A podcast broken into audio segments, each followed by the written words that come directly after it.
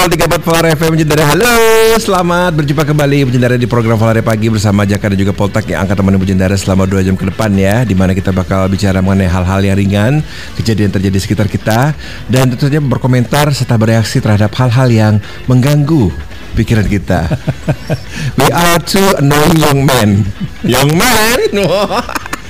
Jadi untuk inilah ya uh, juga sesuatu yang up to date lah kita. Ya, mencoba melakukan sebuah perspe- apa menghadirkan perspektif yang sedikit berbeda dalam hal is- istilahnya kita supaya bisa mengurangi istilahnya racun sosial Wes. di, di pikiran kita. Sosial, Karena sekarang kita selalu bicara sosial, musuh masyarakat, sampah, sampah kehidupan. tidak diterima bumi. Istilah-istilah kayak gitu saya suka dalam bahasa Indonesia tuh. Itu leksikon yang membuat bahasa Indonesia semakin kaya ya, Jendara ya. Oke, yang pasti apa pun kondisi kita saat ini semoga tetap bisa bersemangat menjalani aktivitas ya. Kita baru saja memasuki ha- pertengahan minggu dan buat yang akan segera merayakan Imlek, selamat tahun baru kerbau ya. Hah? Tahun kerbau ya? Ya, betul kan? Saya tahu loh, Kerbau apa? kerbau biru. eh, kerbau biru lagi mau dikodeta kan? Wis, benar itu kudeta. Jenderal mana yang bisa mempur- Eh, kita ke lagu saja kalau begitu. Terima kasih untuk Ibu Feni yang sudah menyiapkan playlist kita setiap hari ya. Eh, sangat membantu. Kita akan mulai dengan oh, ada sudah mulai sibuk membetulkan segala perangkatnya. Udah dites mic-nya? Sudah bagus, cespleng. Thank you. Jadi kita, ups, kita berapa hari menjelang Imlek ini ya? Dua hari lagi. Oh ya, bentar, bentar, bentar. Hmm. Kita ingin mengingatkan pada Bu Jandara bahwa ada hal-hal tertentu yang berhubungan dengan rahasia pribadi seseorang yang memang tidak boleh disebarkan ke publik. Ya ini menyangkut mengenai eh, ketika salah satu tahanan di Rutan Mabes Polri itu meninggal. eh, pihak Polri sudah melakukan langkah yang tepat dengan mengatakan bahwa mereka tidak bisa membeberkan eh, penyebab penyakit sehingga tahanan tersebut meninggal dikarenakan menimbang uh, menimbang uh, dampak yang bisa ditimbulkan atas nama atas nama baik keluarga yang bersangkutan. Iya. Tapi ternyata netizen dengan segala ke- kepongahannya menganggap itu hanya sebuah alasan, itu hanya sebuah cara pihak kepolisian berkelit, tidak jujur, bahkan segala macam teori konspirasi yang sangat lemah yang tidak membuat saya tertarik ya. Tapi ini menunjukkan bahwa sebenarnya kita sangat tidak memahami tentang data rahasia seseorang gitu loh. Apalagi kita bicara mengenai gitu ya. apalagi kita bicara mengenai rekam medis. Iya, iya, Ingat, iya. do- dokter itu memiliki janji salah satu janjinya adalah ti- ti- tidak bisa menyebarluaskan hasil diagnosanya apa pemeriksaan seseorang itu kepada orang sembarangan gitu loh. Iya. Bahkan kepolisian juga harus punya surat perintah pengadilan kalau nggak salah itu. Mm, betul. Akibat banyak nonton film gitu lah nih. Jadi tahu kan. Nah, jadi kalau misalnya kita mau sedikit bijak ya, kalau memang kan dari pihak kepolisian sudah mengeluarkan statement spesi, sepe- pihak kepolisian sudah mengeluarkan statement seperti itu. Kalau memang masih kepo, ya terorlah sana keluarganya kalau memang berani, kalau memang tega. Kenapa tidak bisa membiarkan keluarga berduka dengan tenang, Wah, dengan damai? Iya, karena inilah orang mencari kesempatan untuk Kepo. Bukan, kalau saya sih melihatnya ini- Apa? ini orang-orang yang eh, apa eh, konspirasi teoris nih, nih dan biasanya itu kan mereka orang-orang yang eh, yang anti pemerintah termasuk di antaranya anti dengan kepol- eh, kepolisian eh, penegakan hukum dari Wah, ini lahan poltak ini. Oke, ini teori saya nih. nah, jadi mereka akan mencari kesempatan Mencari apa- amunisi ya? Amunisi, ya, ap- kesempatan Cari celah. apa pun ah, ah, untuk menjatuhkan men- atau mendiskreditkan gitu minimal kalau tidak bisa tidak kalau tidak bisa menggoyang atau me- menghancurkan, tapi istilahnya ya Pak kalau tidak ada amuni kalau tidak ada peluru ya batu ketapel lah gitu lah ya istilahnya ditembakkan ke Polri gitu. Kalau bukan kan. kotoran berindak lumut lah gitu Ya. ya. Dan kebetulan juga memang eh, Polri juga masih struggling ya untuk mem- mem- membenahi citra dia yang sempat eh, sempat is- carut, eh, bukan carut marut ya bukannya apa istilahnya Nyungsep. nyungsep waktu di zaman era ba- era orde baru itu ya. Gila, loh do- dosa tahu dosa dua generasi itu Dua ya. dua generasi gitu loh. Jadi kita ingat di zaman orde baru kan po- polisi bukan bukan pelayan atau pengayom masyarakat tapi cuma aksesoris politik pemerintah gitu loh. Wes. Jahat ya? Baik kan? Bagus kan? Dan juga kalau misalnya kita ingat kan ada juga beberapa eh, tokoh lah ya yang mengatakan bahwa zaman sekarang sulit untuk melakukan me- apa mengeluarkan kritik terhadap pemerintah karena akan langsung diserang habis-habisan gitu loh. Saya langsung komentar, kok kalah sama Nikita Mirzani sih? dia aja nggak dia aja nggak takut sama jempol tajam netizen. Kopi dulu. Kok tokoh tokoh sebesar anda kok bisa mempunyai pertimbangan seperti itu gitu iya, loh? iya. Dan anda sudah dia- Aneh anda gitu sudah loh. dianggap pakar gitu ya. atau- Anda sudah melalui sebuah masa kegelapan yang namanya Orde Baru, Hmm. tapi ketika berhadapan dengan keyboard-keyboard warrior ini ketakutan. Iya. Katanya masalah pribadi kita akan diudak diudak odak adak udak udik adak apa gitulah. ya setiap orang pasti punya tengkorak di dalam klosetnya Pak, Bu. Iya, pasti betul. ada. Pasti ya. setiap orang punya rahasia. Pasti lah. punya, pasti punya jejak-jejak digital yang tidak ingin kita ungkapkan.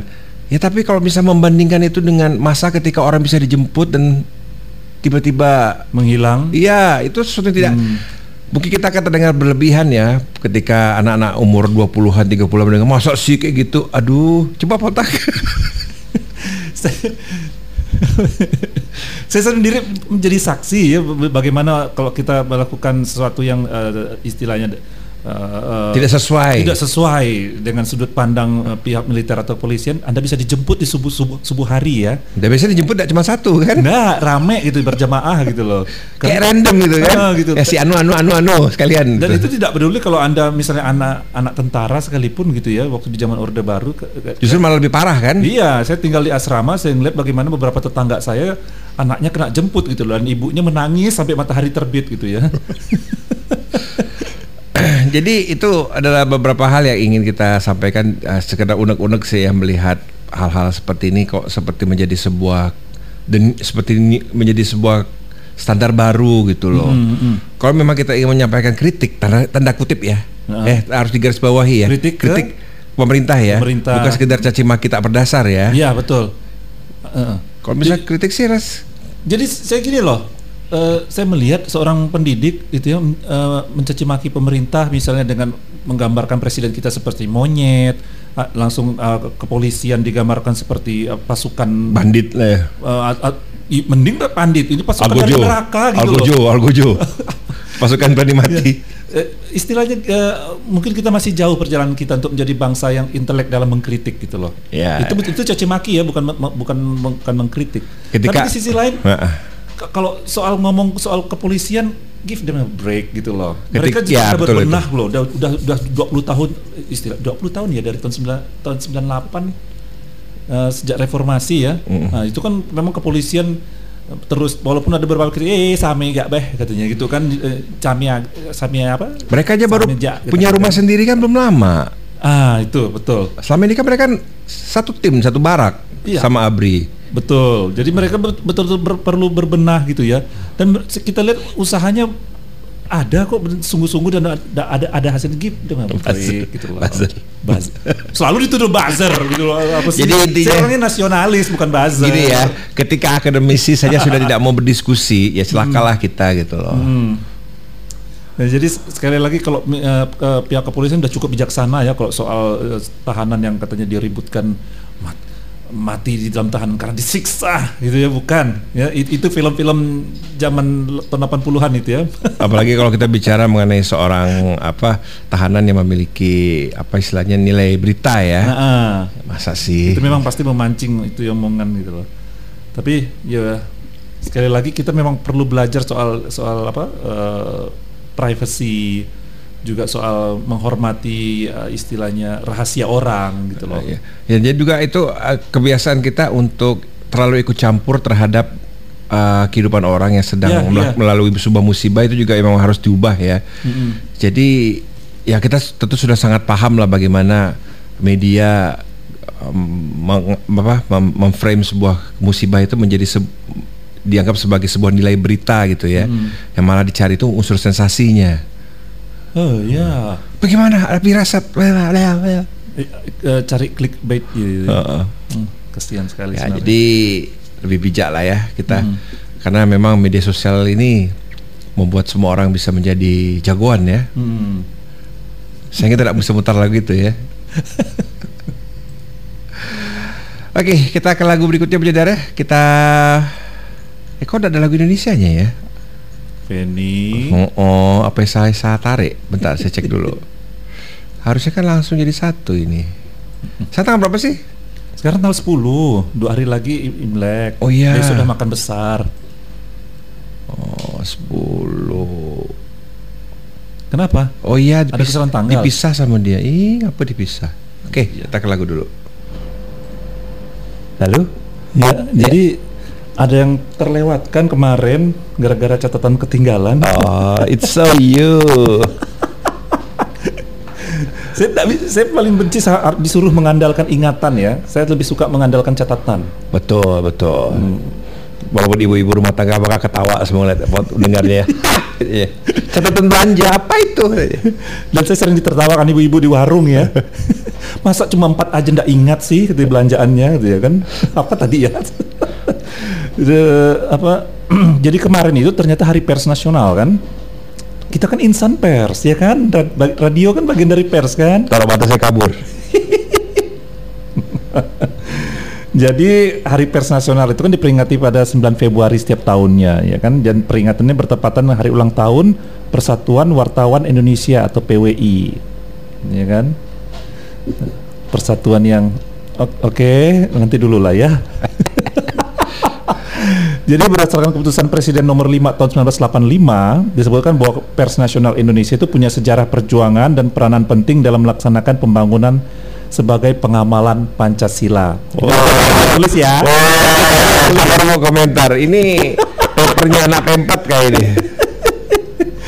Jadi Dewan Pers menetapkan Hari Pers Nasional atau HPN dilaksanakan setiap tahun secara bergantian di ibu kota provinsi se-Indonesia. Ya. Nah, kali ini di mana? Jakarta. Tahu enggak temanya apa? Pasti panjang. Tidak. Eh, bu- sampai salah pencet saya kan. Minimal lima kata lah. Ah, enggak. Menyongsong, Jadi eh, fajar mengembang, layar ter- terkembang apa? Jadi eh, kalau kali ini eh, temanya bangkit dari pandemi Jakarta gerbang pemulihan ekonomi bersama pers sebagai akselerator perubahan. Wah, ini artinya apa nih? Gila itu berapa banyak spanduk harus dibuang-buang gitu. Ya, jadi kalau kita lihat ada bisa tiga ya bangkit dari pandemi, oke lah, it- it's so current ya. Kemudian Jakarta gerbang pemulihan ekonomi, eh? Oke. Ya karena kan semua penagihan, gitu. semua penagihan dilakukan ke Jakarta. Eh, masih kan kita sentralistik? Enggak kan? Masih. Enggak. Emangnya BUMN. Dan bersama pers sebagai akselerator perubahan.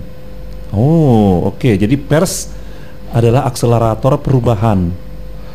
Akselerasi sekarang, maksimum. Sekarang bentuk pers kita kayak apa sih? Sekarang kan kalau kita kalau ngomongin pers ya peni- pe- penerima dia kan pe- pemberi informasi kan. Ya. Penerimanya sekarang aja lebih memilih me- mencari informasi yang personal. Tadi kita baru bicara kan. Ya, sekarang betul. kan berita kan kita or- orang milih.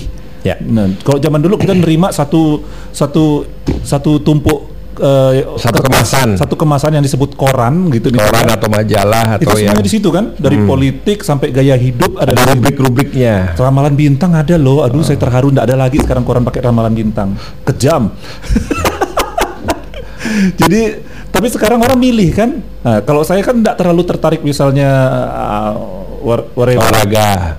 Tertarik kan Anda kan? Oh, please. Olahraga sepak bola tertarik. Oh, sepak bola enggak. Olahraga. Olahraga saya tertarik. Ya, makanya kalau saya tidak tertarik olahraga yang sifatnya kelompok, yang individual individual saya suka. Kalau kalau olahraga tuh kok pasti isinya itu aja. Emang kan- itulah saya kesel kan. Bahkan dulu sampai ada Emang tabloid, ada bahas gimnastik enggak ada kan? bahkan dulu ada tabloid sampai namanya bola kan. Enggak ada senam kan? Atau pingpong gitu. Ya, jadi sekarang lebih ini ya, lebih personal ya kalau Ya. soal. eh, Nah, jadi bentuk pers kita ke, ke depannya itu seperti apa ketika orang sekarang eh, kalau memilih berita lebih personal gitu loh. Sedangkan ini di- oleh pemerintah dibilang katanya harus sebagai eh, akselerator perubahan. Ya menjadi asal atau perubahannya memang bisa saja karena kalau misalnya kita bicara mengenai media otomatis kan kita adalah ta- mereka yang menjadi apa pem- apa meneruskan berita gitu kan. Ya tapi kalau misalnya kita bicara mengenai pertanggungjawabannya juga sebagai media memiliki pertanggungjawaban yang lebih besar mungkin sekarang kan. Iya. Karena kalau misalnya kita melihat sekarang akses informasi bisa didapatkan dari mana saja. Nah, sebagai se, se, se- sebagus apa atau bagaimanakah taraf kepercayaan masyarakat terhadap suatu bentuk media ya sekarang juga bisa berubah setiap saat gitu ya. Kalau bisa kita bicara mengenai satu media bisa di cancel katanya itu kan. Iya. dan hal-hal seperti itu sehingga kalau misalkan unsur individualitis individualisme itu memang sangat kuat.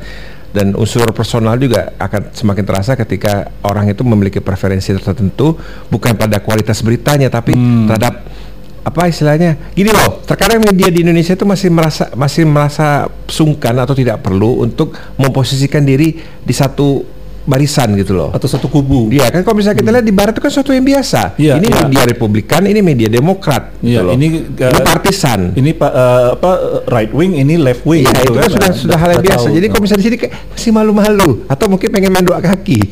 Iya. Eh, Jadi ke mana yang ini deh, yang ke mana, Kemana- jemaatnya rame gitu Nah, ya. ke mana Gitu. pendulum bergul, ber, berga- berayun deh gitu. Ah. Jadi kalau misalkan itu sih ya baik dan buruknya pasti ada. Tapi menurut Jaka itu dan juga satu hal yang dari dulu paling mengganggu bagi Jaka pribadi adalah ketika ada artikel pesanan itu tidak tegas dari awal. Maksudnya tidak tegas dari awal apa ya? Si pemesannya. Enggak, medianya dong. Terus dal- cantumkan dari awal bahwa ini adalah artikel dari advertorial gitu loh. Oh, betul Atau betul. sekedar betul. tagar ad gitu. Mm, mm, mm. Kita kan Iya. kita sebagai orang media kan sudah bisa membaca ini artikelnya kok dibuat ke arah ke sana sih. Nah, ah. Kayak Ah, ngambul-ngambulkan sesuatu seseorang Ah, atau betul. sebuah sebuah perusahaan atau apa Hmm. arahnya kita bisa sudah jebak ujung-ujungnya produk atau apa gitu. Iya. Kan Bilanglah dari awalnya Iya. editorial gitu ya.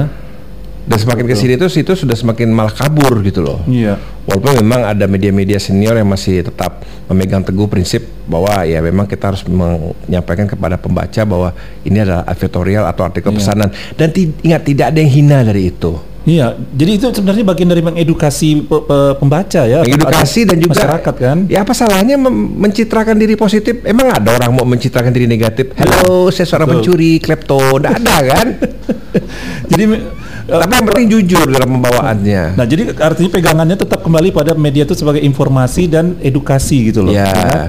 Nah, apa eh, peran mereka yang basic dua basic ini betul-betul begitu pentingnya sehingga presiden kita ketika di hari pers juga sampai merasa perlu mengucapkan terima kasih kepada eh, seluruh insan pers karena sudah membantu pemerintah dalam menyampaikan informasi dan mengedukasi masyarakat. Dan dari zaman Jadi sebenarnya bukan bukan sekedar terima kasih. Kalau saya sih ngelihatnya, ya teori lagi nih, Ah, teori lagi. Presiden saya, baru nih. presiden saya tuh seperti ini loh, seperti megang Presiden saya apa-apaan ini? Kok saya gak diikutin sih? Saya juga mulai, nggak mulai, mulai. saya nasionalis ya di sini ya. Jadi seperti eh, saya ingat seperti opung saya kalau ngasih teguran dia megang koran pagi kemudian dia di, apa istilahnya kayak ngibaskan ke kepala saya gitu loh. Woi, gitu ya. Jangan tumpah kalau minum kopi gitu kan istilahnya kan. Jadi per- ini presiden kita ini kayak gini gitu loh. Terima kasih ya, gitu kan, kan sangat Jawa nih gitu ya. Terima kasih ya udah mengedukasi dan apa dan menginformasi gitu. Ya. Maksudnya jangan lupa tugas utama kalian itu apa gitu loh. Ya kan? Menurut saya, menurut saya. Ya, jadi kalau Jaka sendiri sih apa bukan gini loh. Kita sudah tahu dari semenjak uh, pergantian milenium bahkan jauh sebelumnya yang mengabarkan bahwa knowledge is power ya. Jadi siapa pun yang memegang informasi terbaik adalah mereka yang akhirnya berkuasa gitu loh. Jadi kalau misalkan kita lihat sekarang media itu saya terus, terus terang sebagai seorang individu juga terganggu kalau misal masih ada yang mengatakan bahwa media itu harus netral. Tidak, media itu Ya. tidak boleh netral. Media itu harus berpihak. Berpihak kepada mana? Berpihak pada kebenaran. Hmm. Nah, kalau misalnya kita mau berdebat kebenaran versi siapa, ya ayo Nah, kita iya. berdebat di situ. Tapi kalau misalkan netral, nggak bisa netral. Hmm. Apakah kita melihat sebuah keburukan ini dilakukan oleh satu sisi pihak kita bakal diam saja? Enggak kan? Iya. Iya. Harus kita- berpihak kepada kebenaran. Nah, selain itu juga eh, Presiden di Hari Pers juga menyampaikan terima kasih karena insan pers eh, tetap bekerja di garis terdepan untuk menyampaikan berita-berita dan edukasi soal apa eh, pandemik ini. Kemudian juga eh, soal ekonomi negara, nah termasuk negara kita yang lagi memang betul-betul istilahnya melambat perekonomian. Eh, kemudian Ya, itulah dia sebenarnya pers eh, Hari Pers Nasional ya. Ke oh ya. Pemerintah juga katanya akan meringankan pajak penghasilan untuk awak media. Uh, oke. Jadi untuk industri media dilakukan pengurangan PPh badan, kemudian pembebasan PPh 2 impor dan percepatan restitusi dan in insentif berlaku sampai Juni 2021. Iyalah, enggak usah enggak usah kenyamanan lah dapat keringanan pajak. Gila pajak patriot sedikit ngapa sih bayar pajak? Cie. Buzzer lagi nih. nah, jadi uh, jadi uh, harus apa intinya? Oh, udah divaksin loh, dapat vaksin uh, media dibantu untuk dapat vaksin lebih dulu. Dan juga yang gak kalah penting salah satu media memang harus faktual. Penting itu. Nah, lo faktualnya apa nih? Sesuai fakta lah. Tidak melebihkan, tidak mengurangi, hmm. tidak menghiperbola dan tidak mencari-cari.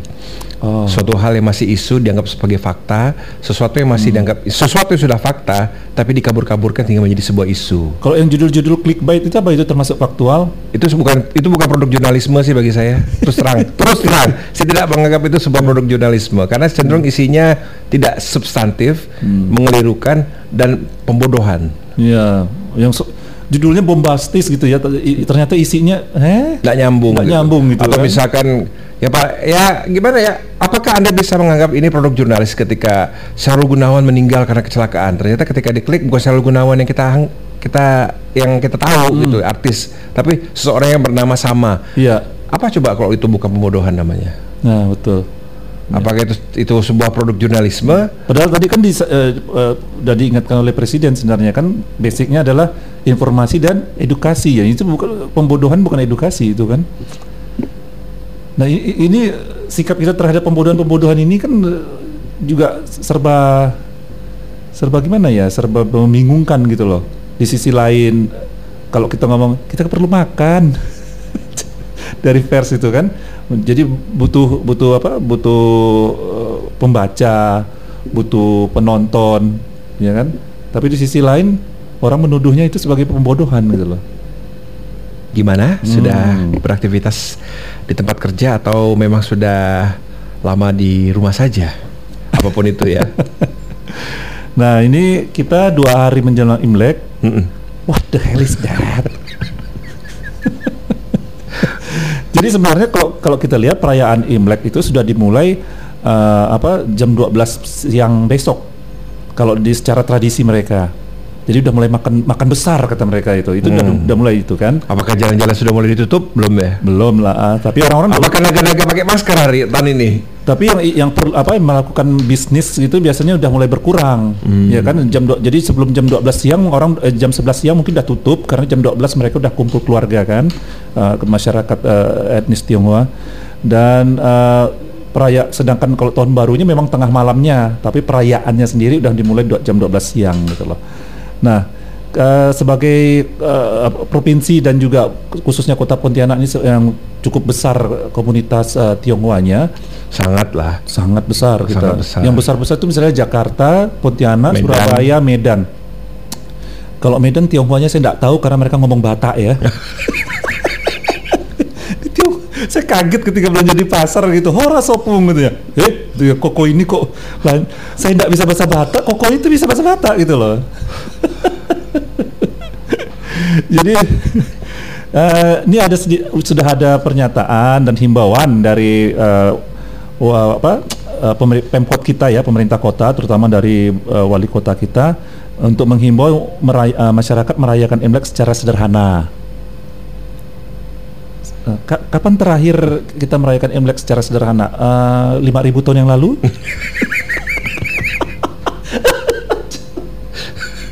it's not it's not Imlek kalau itu sederhana gitu loh. That's the way it is gitu loh kan. Ah, memang seperti itulah gitu kan gitu.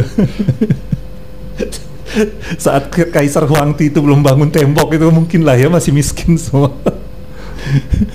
Jadi dia uh, menurut uh, sesuai yang ditulis di pontianakkota.go.id resmi ya. Resmi. Ya, ya betul berarti ya. ada cap pemerintah kota Pontianaknya nih ada ah. lambangnya. Jadi uh, ditulis kalau dikarenakan pandemi COVID-19 yang masih terjadi hingga kini perayaan cap gome tahun 20 uh, 2021 di kota Pontianak ditiadakan ya. Ya karena memang Cekom itu 15 hari sesudah Imlek ya. Karena memang hampir semua perayaan keagamaan ya memang juga ditiadakan ya karena pandemi ya. Hmm. Hmm. Ini kan kebudayaan Pak, bukan agama. Cap itu? Ya blur sih kalau Eh. Ini ya. Kok- Mau ribut nih. nanti nanti kita undang pakar budaya Tionghoa ya biar biar bingung kita. Keputusan tersebut berdasarkan hasil rapat koordinasi tim Satgas Covid-19 Kota Pontianak. Wih, ada juga kerjanya. Ada lah bang, masa sih nggak ada gitu ya kan?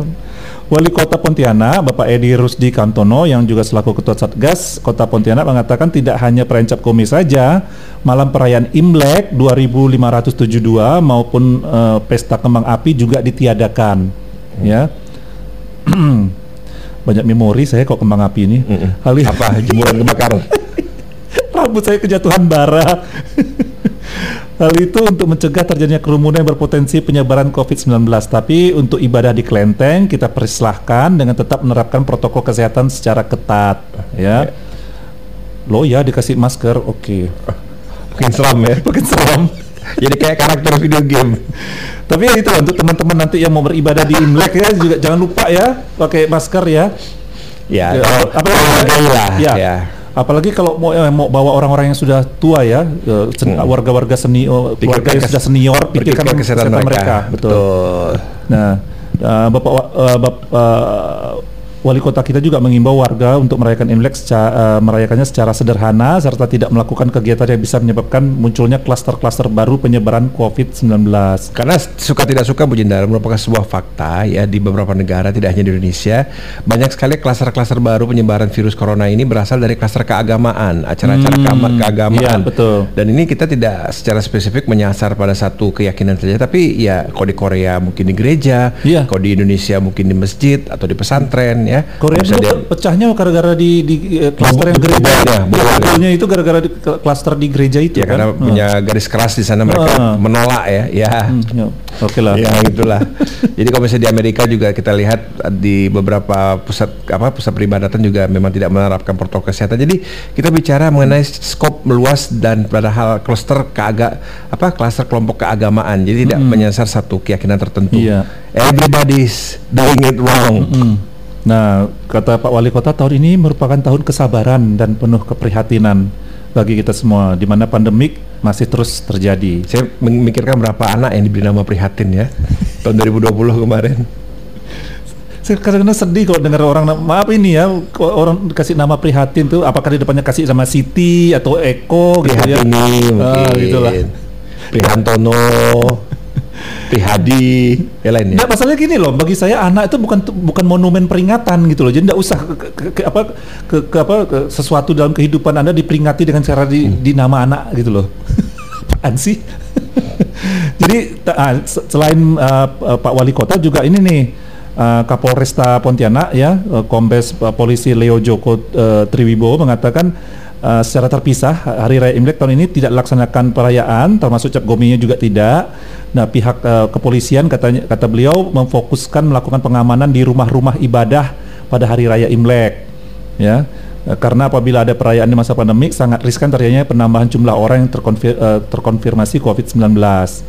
Eh, kemudian eh, oh ya. Oh ya, ini rapat koordinasinya judul namanya ini bagus nih, rapat koordinasi lintas sektoral operasi kewilayahan Liong Kapuas 2021. Apa sih? Liong itu naga, Pak. Tahu. Karena sebenarnya ini orang uh, buda- dalam budaya Cina mereka tidak kenal naga. Yang kenal naga itu sebenarnya budaya Eropa, kadal bisa ngeluarin api dan bisa terbang. Sedangkan kalau kalau liong yang sering kita bilang uh, kalau di dalam Harry Potter dibilang uh, uh, naga Cina katanya itu itu uh, ko- apa makhluk uh, Hybrid. Enggak, makhluk ah ya, makhluk hybrid surgawi da- ya, gabungan dari uh, tujuh hewan gitu loh. Jadi ke- kepala saya tuh rasanya pecah ketika saya pertama kali tahu bahwa naga itu sebenarnya hybrid dari beberapa binatang ya. Iya, betul. Ada ularnya, Ada ular, ada ayamnya, ada, eh, kepalanya bentuk kuda, tanduknya kijang, meledak kepalanya dus. Kakinya elang, Langsung, e- ekornya seperti merak. Everything makes sense. Why they look so weird? Makanya mereka sebenarnya secara budaya eh, di Cina orang nggak mau bilang itu naga, itu liong katanya, beda gitu ya. Kalau Aliong menjaga di sana. Sang naga. nah, jadi eh, tradisi permainan barongsai dan naga tiap tahunnya dilaksanakan di hari raya Imlek itu hari ini dilakukan pembatasan aktivitas ya. Uh, jadi kemungkinan tapi mungkin tradisi buka mata naga itu tetap dilaksanakan tapi tidak diarak ya. Atau diam-diam? Dia wah, kapan terakhir anda lihat tradisi buka mata diam-diam? Itu itu maling itu itu nggak malam itu buka mata diam-diam itu maling ya. Uh, juga katanya nanti uh, pem, uh, kepolisian ya akan melakukan patroli skala besar untuk mengeliminir berbagai kejadian tidak diinginkan. Nah sekarang mulai ini ternyata uh, beberapa tadi kita lihat beberapa kota yang komunitas Tionghoanya besar juga melakukan uh, beberapa hal yang sama ya. Cuma kalau uniknya ini kalau kita boleh ambil contoh pembanding, ya bukan bermaksud jahat ya banding-bandingkan tapi bolehlah kalau kita mau belajar yang baik. Uh, Pemkot Surabaya ya uh, bahkan menerbitkan surat edaran tahun baru Imlek yang berisi empat poin penting yang harus dipatuhi Uniknya mereka bahkan mem memberi solusi detail sebaiknya dengan cara ini karena kami larang ini kan. Jadi sebaiknya caranya ini. Nah, gitu loh. Jadi lebih detail kalau pemerintah Surabaya ini. Jadi uh, Wakil Sekretaris 4 Satgas Percepatan Penanganan COVID-19 Surabaya ini uh, membenarkan surat edaran uh, uh, me membenarkan ketika ditanya apakah ada surat edaran tahun baru Imlek ya katanya terutama untuk meningkatkan pencegahan penyebaran Covid katanya. Ya di, surat edaran ini ditujukan kepada beberapa pihak selain camat dan lurah surat juga ditujukan kepada ketua RT dan RW pengurus tempat ibadah tokoh agama serta tokoh masyarakat. Oh oke okay, bagus Surat yang sama juga ditujukan untuk pengelola hotel, pusat perbelanjaan atau mall, tempat wisata, apartemen, dan juga area publik lainnya. Uh, surat yang sama juga ditembus uh, ditembuskan untuk beberapa organisasi perangkat daerah atau OPD Pemkot uh, Surabaya. Nah, jadi uh, kegiatannya tahun ini katanya pada po uh, beberapa poin ini merupakan kelanjutan item uh, yang sudah ditegaskan secara lewat uh, pers ya. Jadi disebutkan bahwa atraksi barongsai diizinkan dilaksanakan asal dilakukan secara virtu virtual. Hmm. Jadi kalau kita betul-betul di band ya, kalau sana boleh. Jadi pelaksanaannya itu di dalam kayak di dalam aula, jadi disiarkan. Nah gitu loh. Atau di sebuah lapangan disiarkan. Uh, jadi dilaksanakan tanpa penonton atau secara daring untuk pencegahan COVID. Kemudian uh, dalam rangka ketentraman dan ketertiban juga kepolisian sudah bekerja sama seperti juga di Pontianak ini kan. Ini apa ini? Oh ya, oke. Okay. Ya, kemudian, hmm, oke. Okay. Nah beberapa juga. Uh, oh ya, sulit banget ini. Mari pada ah, sorry. Sorry saya lagi cari ini tiba-tiba menghilang dalam poin pertama. Jadi tempat ibadah dan perayaan diimbau agar berpedoman pada peraturan wali kota ya. Salah satunya katanya. Kemudian tempat ibadahnya juga akan di apa diterapkan diterapkan ya protokol kesehatan yang ketat ya, termasuk segala masker apa itu ya jadi uh, pelaksanaan ibadah diimbau menggunakan daring juga serta di, dibatasi kapasitasnya 50%. Hmm. Uh, termasuk termasuk itu berbagai vihara juga ya. Uh, menerapkan protokol kesehatan uh, di bukan cuma di apa di rumah ibadah tapi juga di tempat-tempat yang kemu, uh, akan diadakan barongsai online itu. Ya. Uh, poin ketiga kegiatan saling berkunjung dalam rangka silaturahmi diganti secara daring katanya. Sedap. Nah, budaya pembagian angpau dibagikan kepada anggota atau keluarga lainnya agar dilakukan secara transfer katanya ya itu kan atau uang elektronik jadi semuanya cashless katanya kan uh, jadi mengimbau juga kepada pengurus tempat ibadah serta pengelola hotel semuanya uh, untuk tidak menyelenggarakan berbagai lomba ataupun pawai ataupun pertunjukan ataupun atraksi barongsai. Ya, jadi biasanya memang kalau bisa kita lihat tempat-tempat hiburan, tempat-tempat ya tempat santap saji, hotel memang mendapatkan cukup banyak pemasukan setiap yeah. kali ada perayaan ini ketika mereka mengadakan sebuah selebrasi lah ya. Mm. Dan kita akui hal ini cukup memukul industri food and beverage serta juga uh, penginapan apa segala macamnya karena memang kita tidak tidak bisa mentolerir kerumunan ya. Mm-mm. Jadi ya semoga ini cepat cepat berlalu lah. Iya. Cuma gini, Apa? kok pemerintah kita tadi tidak detail ya, tidak sedetail Pemkot Surabaya. Paling ya. nggak copy paste bah, umbi-umbi lagi tuh. Kalau kita kan ini dilarang, ini dilarang, dilarang. Ah, lalu Pak, ah, kan gitu gitu kan. Jadi gimana gitu kan? Ah, kalau pemerintah Surabaya kan kami larang ini, nah sebaiknya kalian ini gitu loh, dikasih solusi gitu loh, ya kan? coba coba lihat tuh adminnya tuh. Sebut namanya, jangan ah nanti dibacok. Jadi kalau di ah ya jadi kalau di Pontianak itu di, di apa di website resminya cuma pe- pemberitaan aja dilarang ini dilarang itu gitu tapi solusinya sebaiknya gimana sebaiknya gimana gitu kan dipersilahkan yang ini dilarang ini itu tidak terlalu jelas ya. Ya. Nah, gitu loh. Sa- sa- eh, saya sih sa- sangat menyayangkan gitu loh. Mu- jadi mungkin harus lebih detail lah lain kali ya. Karena biasalah masyarakat kita kalau kalau tidak detail kan suka cari celah. Mana-mana seorang. mana-mana seorang. Kotak gimana dengan ketersediaan jalan di Pontianak? Ini sebenarnya masih memadai tidak sih? ketersediaan ya Bukan ketersediaan sih. gini, gini loh dengan meningkatnya eh, apa, eh, kesejahteraan dari eh, level kelas menengah gitu ya sehingga Hmm, banyak pas orang menengah ngehe itu ya.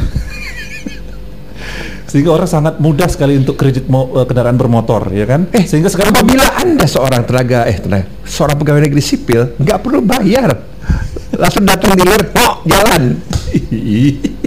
Tahu ya sekarang masih ada nggak dealer itu orde baru Enggak, lima tiga dua tahun yang lalu kok. Masih ya? Ya sebelum corona tuh banyak saya lihat. Oke. Nah, jadi karena eh, kalau saya lihat sudah tidak sebanding ya kapasitas ke- jalan raya kita dengan jumlah eh, kendaraan bermotor. Dan boro-boro bicara transportasi umum ya. Ya. Ke- Kalau kalau soal transportasi umum sih saya percaya ada satu hal gitu ya, yaitu eh, sudut pandang budaya. Apa tuh? Sudut pandang budaya kita adalah ge- gengsi kalau sudah mapan tidak punya kendaraan pribadi. Ya, yang Nah, jadi orang-orang bertanya, udah udah punya kerja apa? Kok nggak beli motor? Kok nggak beli mobil gitu loh? Itulah yang jangan takutkan 30 tahun dari sekarang ya ketika kita sudah menjadi sebuah kota metropolis Hmm. ya. Betapa sulitnya kita memulai menen- apa meletakkan lajur-lajur moda transportasi umum ya. Iya. Ketika sekarang ini masih bisa loh sebenarnya. Iya, sebenarnya dari awal udah dibuat eh, blueprintnya ya. Iya. Sekarang apa transportasi umum? Ojol. Dulu kalau dulu di masa kecil kan kita ingat ada oplet, Ada oplet bis kota. bis kota gitu kan. Sekarang nggak ada lagi ya. Nah, bah- bahkan yang sifatnya lebih ini sih orang lebih personal ya kayak apa eh, istilahnya charteran itu apa sih kok kayak mobil-mobil kapsul itu loh yang suka di charter orang itu kan untuk keluar kota. Kayak mobil mafia loh. Ke mafia-mafia Hongkong tuh. Jadi eh Ya, sebenarnya- jangan, jangan takut sih memang ketika akhirnya kita mencapai sebuah bubble ya, Hmm. di mana kalau misalnya kita lihat kan pembukaan lahan kan untuk pembangunan komplek kan gila-gilaan nih di Pontianak Iya. sekarang ini. betul. Tempat-tempat yang selama ini kita anggap sebagai tempat jin bertendang sudah menjadi sebuah hot property sekarang ya. Betul, betul. Siapa yang pernah menyangka suatu saat Ampera akan ramai seperti penuh boulevard ya? Dulu Nah, saya berdoa- itu kan tempat-tempat jin buang ini ya. Jin bertendang, bukan jin bawa lagi, jin bertendang. Saya berdoa demi segala sesuatu yang suci, semoga pohon-pohon itu tidak ditebang ya di Jalan Ampera itu ya. Mm-mm. Semoga tidak ada kebijakan-kebijakan yang beringas yang menghabiskan pohon-pohon itu seperti di Sumatera ini kan habis akhirnya pohon-pohonnya. Iya. Di Ampera itu bagus loh. Jadi kita seperti melewati sebuah boulevard. Us, us. Film-film tahun 40-an gitu ya. Yang banyak rontok-rontok daun yang buat kata-kata gitu loh. Boulevard of Broken Heart. Iya. itu masih indah loh dan, dan bagaimana penataan apa paritnya itu menggunakan batu-batu alam Hmm. sehingga tidak terlihat kaku. Coba Iya. lihat potak lihat itu. Itu sesuatu yang sering dilupakan oleh oleh kita ketika menata jalan ya menata parit itu ya menggunakan material yang sesuai dan hi- hingga akhirnya bisa terlihat menyatu gitu. Hmm. Di Ampera itu bagus loh penataannya itu. Iya, iya.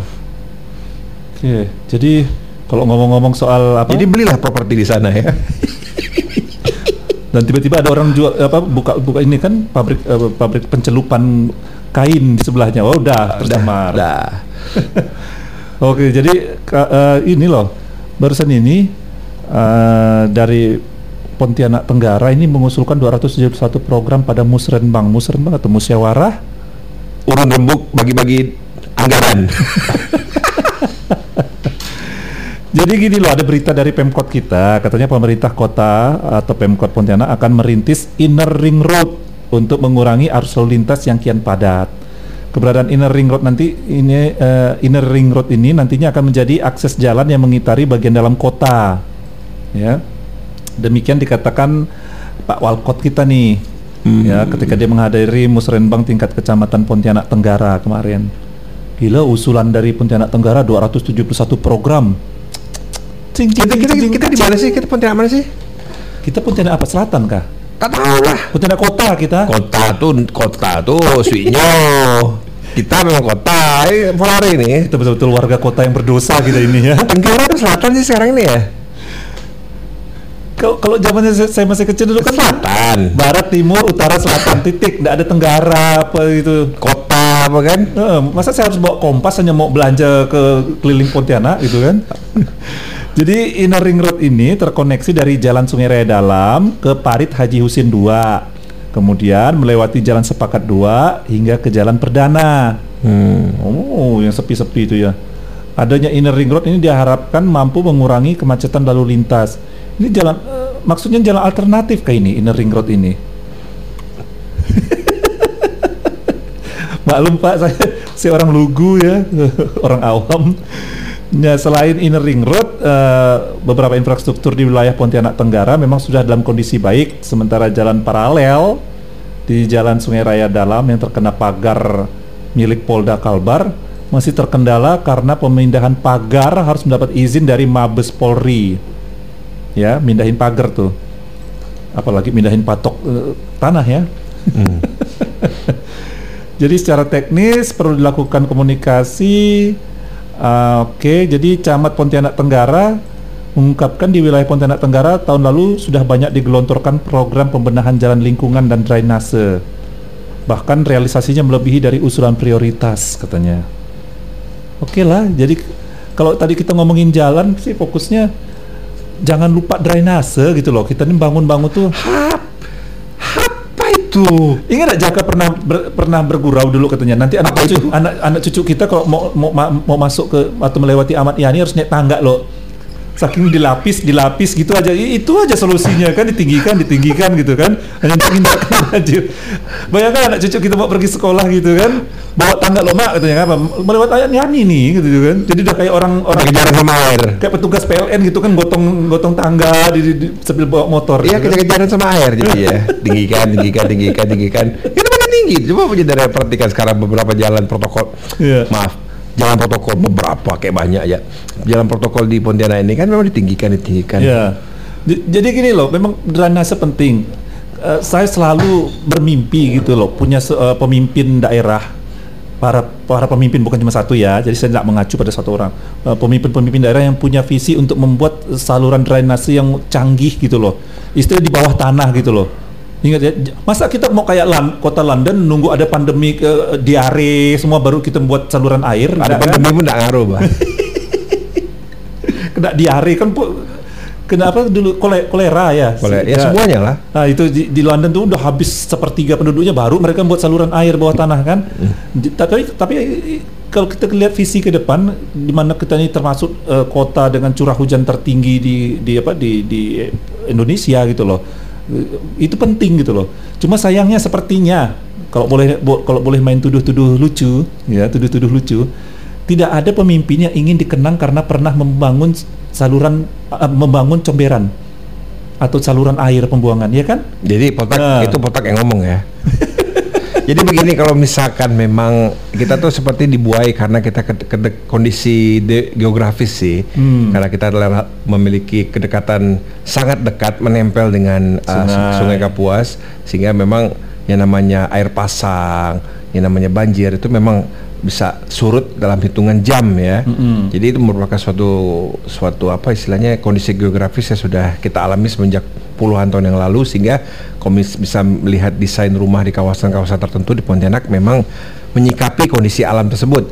Tapi kan sekarang kita melihat ya pembangunan sudah semakin apa luas apa segala macam. Memang kondisi alam sudah berubah dan saya takut kalau misalnya pasang nanti itu ya karena drainase tidak tidak apa air tidak mengalir sebagaimana mestinya menuju ke muara ya Ya, itu dia. hewan-hewan itu mulai masuk ke Itu halaman kita. Tadi Jaka bilang eh, dalam beberapa jam akan surut. Gitu. Iya, dalam beberapa jam ular udah masuk berapa pak? Gitu kan lewat, lewat gitu. Jadi kita akan bisa melihat lebih banyak lagi nanti invasi-invasi hewan ke dalam pemukiman gitu ya. Dan itu akan menjadi sebuah hal yang sebenarnya bisa dihindari loh. Iya, iya, iya. Sebenarnya bisa gitu kan. Saya ingat ba- banjir besar 2015 itu yang masuk sampai ke rumah se- setelah cap gome itu kan. Nah, setelah banjirnya surut, kita sibuk mukulin lantai kan. Yang kita pukul apa? Kelabang gitu.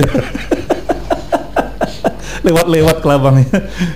Jadi itulah saya sih ngelihatnya pentingnya drainase ini loh. Jadi seiring kita membangun jalan, juga sekalian aja bangun drainase. Nah, langsung juga ke para developer ini juga harus lebih di dalam tanda kutip ya di, dikasih ketegasan atau dikasih eh, ya kalau mau boleh dikatakan keras gitu ya eh, aturan ba- untuk ba- kewajiban bagi mereka membangun drainase di, di apa pembangunan pembangunan mereka gitu loh. Coba kalau misalnya Bu Jendra pengen lihat secara langsung kan sekarang di Jalan Ujung Pandang banyak tuh Ah, ah, developer yang bangun-bangun Iya. klaster-klaster perumahan baru. Ya dilihat aja lah drainasenya ada apa enggak. Kan prinsip orang Pontianak kalau bangun rumah kan asal ada, asal ada aja sejengkal pun, nah itu kan lebarnya. Padahal kalau kita lihat klaster itu lumayan besar-besar ya dan, Iya. dan harus ada sinergi antara pembuangan air itu buang ke mana apa segala itu harus ada ya kan buang air kan tidak selalu bicara air tapi kan limbah juga berbeda kan Iya, dijadiin rumah satu. tangga.